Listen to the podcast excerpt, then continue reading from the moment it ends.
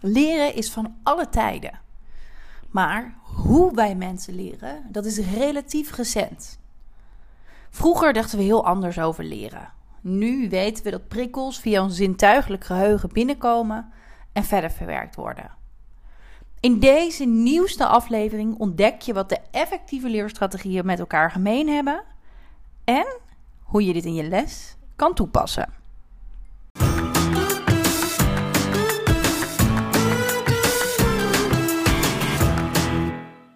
Hey, wat leuk dat je luistert naar de podcast van het Leerlab.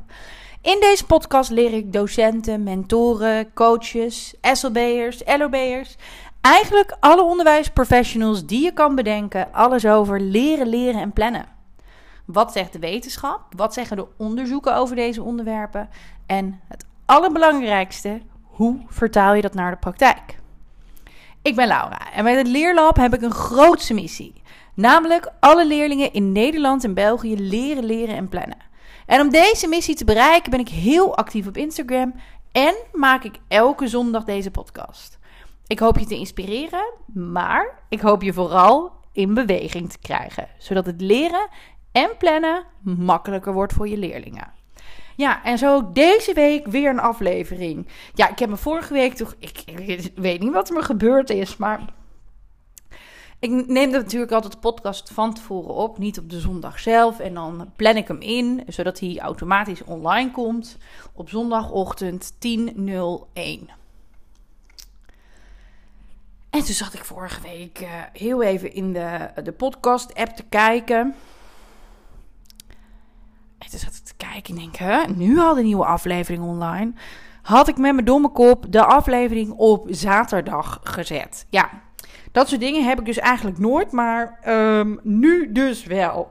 Niet heel erg handig, maar goed. Um, ja, uh, inmiddels. Uh, uh, ik heb er maar niet te veel aandacht aan besteed, maar ik dacht, nou, ik heb ook verder niemand daarover gehoord. Maar het grappige is, ik denk, ik vertel het jullie gewoon zelf even. Ik moet heel eerlijk zeggen dat ik echt een hele leuke week heb gehad. Ik uh, ben wel een beetje langzaamaan uh, wat meer aan, meer aan het doen. Afgelopen dinsdag ben ik bijvoorbeeld naar uh, Meppel geweest, want daar liggen onze agenda's. Daar moesten nieuwe brievenbuspakketjes heen voor de mensen die onze agenda via de webshop bestellen. want die gaan als zoete broodjes over de toonbank. Dus dat was heel erg leuk. Ik had dinsdagavond echt super gaaf. Een hele leuke club. mensen die hebben deelgenomen aan de gratis masterclass. Twee of drie keer per maand geef ik de masterclass. En nou ja, nu heel even. Um, en uh, ja, het was gewoon een hele enthousiaste groep. heleboel leuke vragen. Heel betrokken. Um, en uh, ja, dat was heel leuk. En denk je nou, hè, masterclass, uh, wat, hoe? Nou, in de omschrijving van de aflevering heb ik een link gezet. Als je daarop klikt, kom je op de pagina met meer informatie. En daar kun je gewoon uh, gratis en vrijblijvend uh, aanmelden. En ik zou het natuurlijk heel erg leuk vinden om ook jij, degene die hier achter de podcast zit, zit te luisteren, dat je eens een keer aanwezig bent bij de masterclass. Zou ik echt heel erg leuk vinden. Nou, um, woensdag ben ik vrij. Um, want ik heb mezelf uh, voorgenomen aankomend schooljaar op woensdag in ieder geval vrij te nemen omdat ik afgelopen jaar heb ik heel veel gewerkt. Maar uh, werk is natuurlijk niet alles. Dus uh, woensdag had ik vrij. Zijn we lekker bezig geweest in de berging. Dingen uitgezocht. Uh, wat kan naar de, naar de stort. Wat kan naar de kringloop. nou, was echt heel fijn.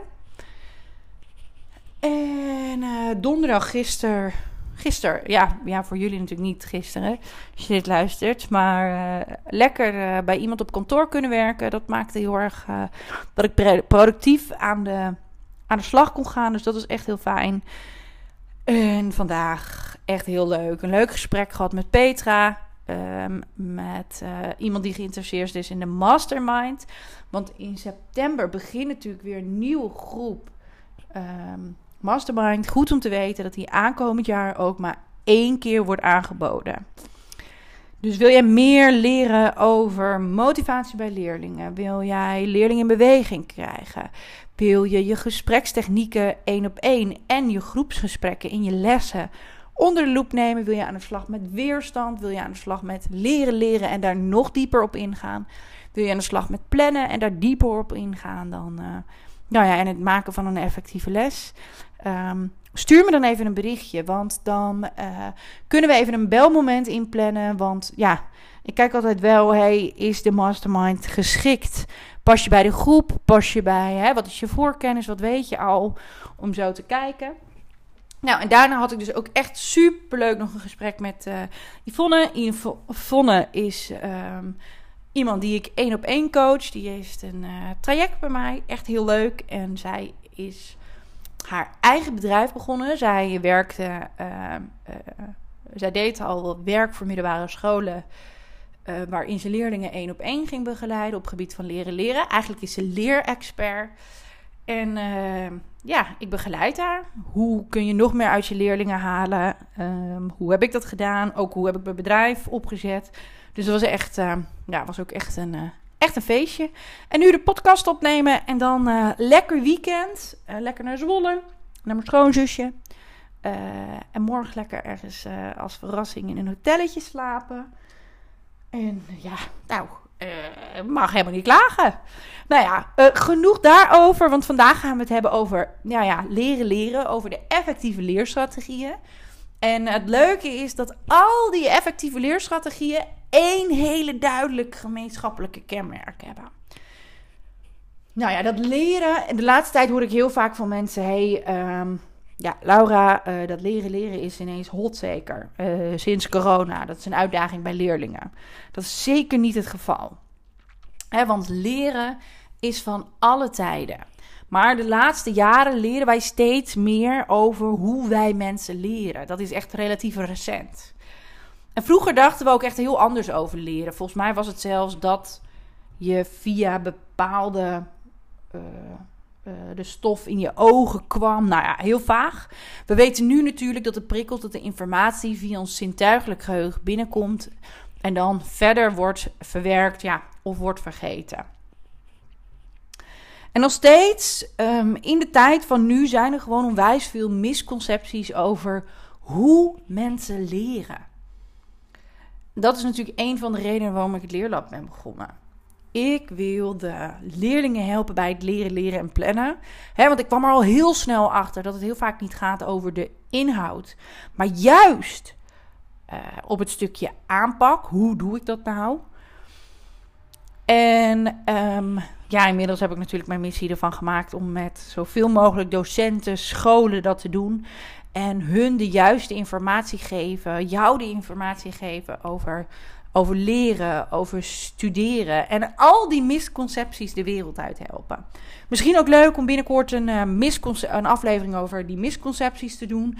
Zoals bijvoorbeeld um, of je een beelddenker bent of, um, nou ja, uh, of niet. Uh, daar vind ik het heel leuk om over te lullen. Um, maar goed, los van dat. Um, is leren dus al heel lang een uitdaging voor leerlingen. Hè, of dat effectief leren. In 1916 stond in How to Study Effectively van Guy Whipple dat leerlingen en studenten nood hebben aan het ontwikkelen van productieve leerstrategieën. Zij weten dus niet hoe ze het beste kunnen leren. En um, ik weet dat wel. En als ik dat weet, kan ik die informatie weer met jou delen. Als ik die informatie met jou kan delen, kan jij dat weer met je leerlingen delen. En zo kunnen we ervoor zorgen dat dat leren leren of dat effectief leren voor leerlingen steeds minder een uitdaging wordt. Want als we kijken naar de effectieve leerstrategieën, hebben ze met z'n allen één hele belangrijke gemeenschappelijke kenmerk. Het leren voelt moeilijk. En voordat ik daar verder op in wil gaan, wil ik je wat uitleggen over leren en presteren. Want het verschil tussen leren en presteren is vast voor jou heel herkenbaar. want tijdens de les ga je nieuwe leerstof uh, aanbieden bij je leerlingen. Ja, die laat je de leerlingen inoefenen. Dat lijkt best goed te gaan. Hey, dus jij gaat je les tevreden en wel afsluiten. In je volgende les wil je verder bouwen op de leerstof die je hebt aangeboden. Maar ja, wat blijkt? Een aantal leerlingen ja, slaan de bal helemaal mis. Alsof ze ineens alles zijn vergeten. Daar hebben we het toch over gehad? Ze presteerden wel goed. Hè, op de korte termijn, het presteren. Maar dat presteren is geen betrouwbare indicator voor hoe diepgaand leerlingen de stof hebben verwerkt op de lange termijn. En als we het over de lange termijn hebben, dan hebben we het over leren. Dus die korte termijn, hè, waar die leerlingen gaan laten zien dat ze het kunnen, jij bent tevreden, hebben we het over presteren. En dat op de lange termijn leer, hebben we het over leren. En het leuke is um, dat professor Robert Bjork en zijn collega's um, ontdekten ook dat het um, uh, omgekeerde vaak geldt. Leerlingen die bijvoorbeeld tien oefeningen van hetzelfde type na elkaar maken, zullen direct daarna goed presteren, dus op de korte termijn. Ze hoeven namelijk niet eh, na te denken over welke formule ze moeten inzetten. Ze hoeven enkel alleen na te denken over één en diezelfde formule. Die moeten ze invullen en berekenen. Het oefenen gaat dus heel vlot. En het gaat natuurlijk veel vlotter dan leerlingen die oefeningen van verschillende types door elkaar maken. En ondanks dat die laatste groep verschillende dingen door elkaar maken, die laatste groep scoort vaak beter op een, een toets of een tentamen. Ondanks het feit dat het oefenen voor hun veel moeilijker aanvoelde.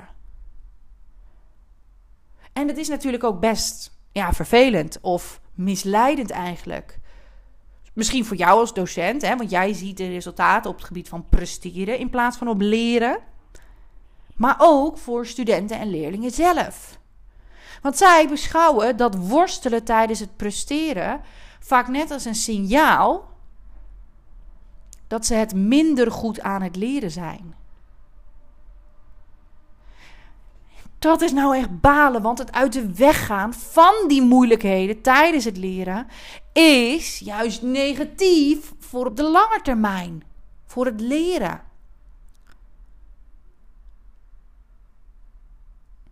Dus als we kijken naar leren en presteren, is presteren op de korte termijn en leren op de lange termijn.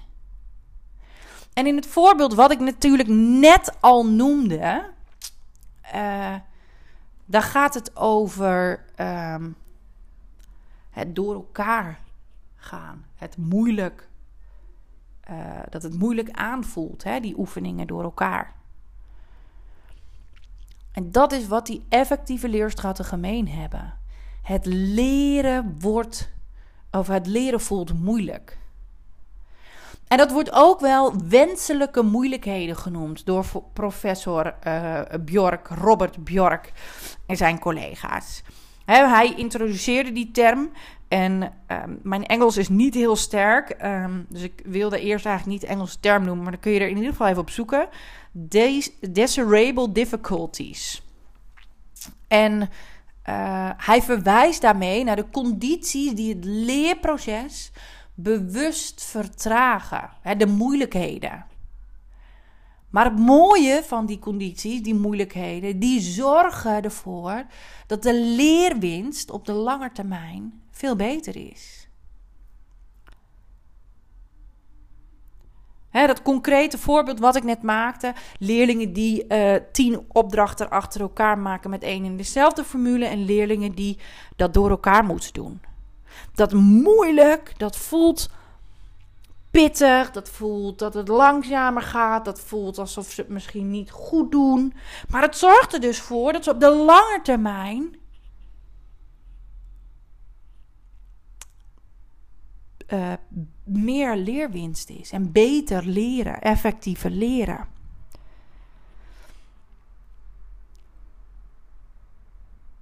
En studenten die hè, die oefeningen of leerlingen die die oefeningen van dezelfde type presteren beter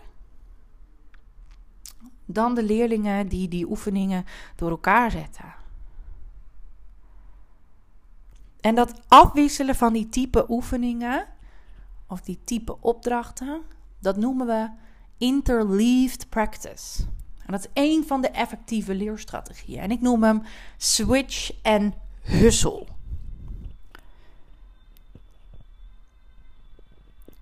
En dat afwisselen is direct een concreet voorbeeld van zo'n wenselijke moeilijk, moeilijkheid. Ja, ik moet het even goed zeggen. Er gaat ondertussen ook een sirene flink achter je buiten langs. Ik hoop dat je daar niet al te veel last van hebt. Maar dat afwisselen, dat is dus een voorbeeld van een van die wenselijke moeilijke, uh, moeilijkheid die Bjork omschrijft. En als ik kijk naar alle vier de effectieve leerstrategieën: actief ophalen, switch en hustle, spreid in de tijd en dubbel in je brein, dan komt dat bij alle vier naar voren. Het voelt moeilijk. En als het moeilijk voelt, zijn leerlingen aan het leren. Dus als jij aankomend schooljaar je leerlingen, je studenten graag wil helpen bij het leren, wil je dat ze effectief gaan leren. Zorg ervoor dat je uitlegt hoe dit zit. En vertel dat ze het zichzelf moeilijk moeten maken. Of zelfs moeilijker. Neem verschillende leer, leermanieren onder de loep. En vraag welke voelt heel moeilijk. En ga er dan samen lang één maand één van die manieren proberen. Het is echt belangrijk dat leerlingen actief bezig gaan met de stof en de stof gaan herkneden. En laat ze er een nieuw product van maken. En ja, ik weet dat dat inspanning in tijd kost. Voor jou als docent, voor je leerlingen, voor je studenten. Maar juist dat bewust moeilijk maken tijdens het leren zorgt dus voor die grotere leerwinst, voor meer leerwinst op een lange termijn.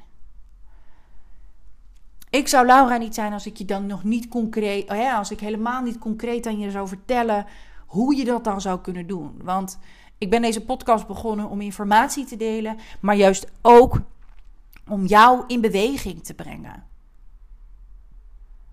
zodat je morgen al iets kan proberen.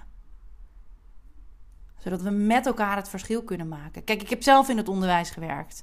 Ik heb veel, heel vaak dingen gelezen, doorgenomen. En ik kwam ik erachter, ah ja, maar oké, hoe ga ik dat dan doen?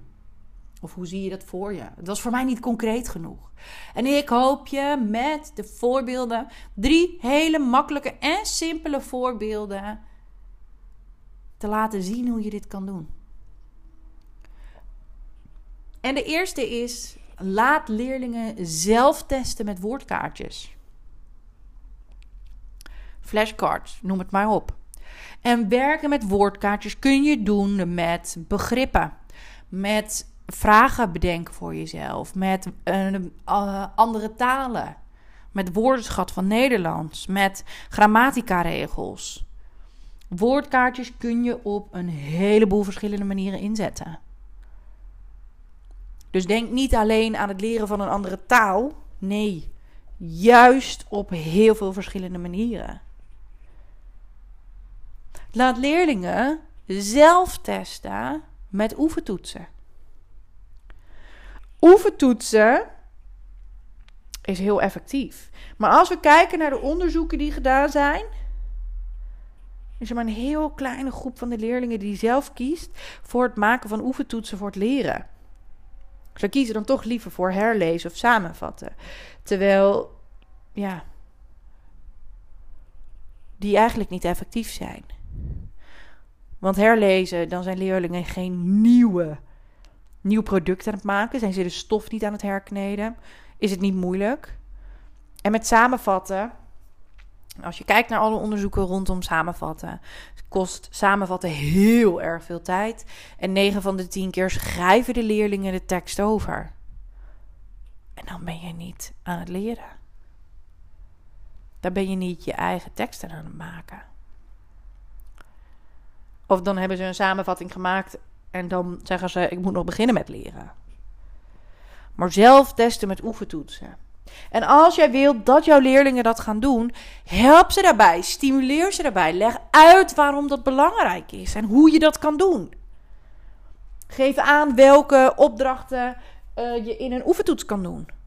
Um, hè, ik heb ooit contact gehad met een wiskundedocent. En uh, zij maakte een soort sterblad. En per paragraaf of per doel gaf ze aan welke oefeningen de leerlingen konden maken. En daarbij gaf ze natuurlijk oefeningen op die gelijkwaardig waren aan de oefeningen of opdrachten van de, de toets. Maar dat ging ze ook gewoon in de les doen. Want als wij willen dat leerlingen effectief gaan leren, moeten we dat ook in de klas gaan doen. Moeten we dat doen door met ze in gesprek te gaan, maar ook door directe instructie te geven over hoe je kan leren. Nou, de laatste, dit zijn twee tips. Zelftesten met woordkaartjes, zelftesten met oefentoetsen. En de laatste tip die ik vandaag met je wil delen is een Cornell-methode. De Cornell-methode is een hele fijne, praktische manier om een lesstof te structureren in een overzichtelijk schema. Schema en structuur vindt ons brein heel fijn, want dat maakt dat we het makkelijker en beter kunnen onthouden. En het fijne van de Cornell-methode is, leerlingen kunnen zichzelf daar ook direct mee over horen. Op Instagram um, vind je het voorbeeld van um, de Cornell-methode. Stuur me even een berichtje als je aankomend schooljaar met de Cornell-methode wil werken. Um, want dan kan ik je het werkblad toesturen en kun je daar lekker mee aan de slag. Ik zit even te kijken. Ja, als je niet, me nog niet volgt op Instagram, kun je dat natuurlijk doen door even in de link te klikken in de show notes van deze aflevering. Um, nou, wil je nog meer tips over leren leren? Meld je dan dus ook zeker aan voor die gratis masterclass. Die ook in de omschrijving staat. En um, dan zou ik zeggen, heel veel succes met het moeilijk maken van het leren voor jouw leerlingen. Um, en dan zeg ik, hasta la vista. Ciao.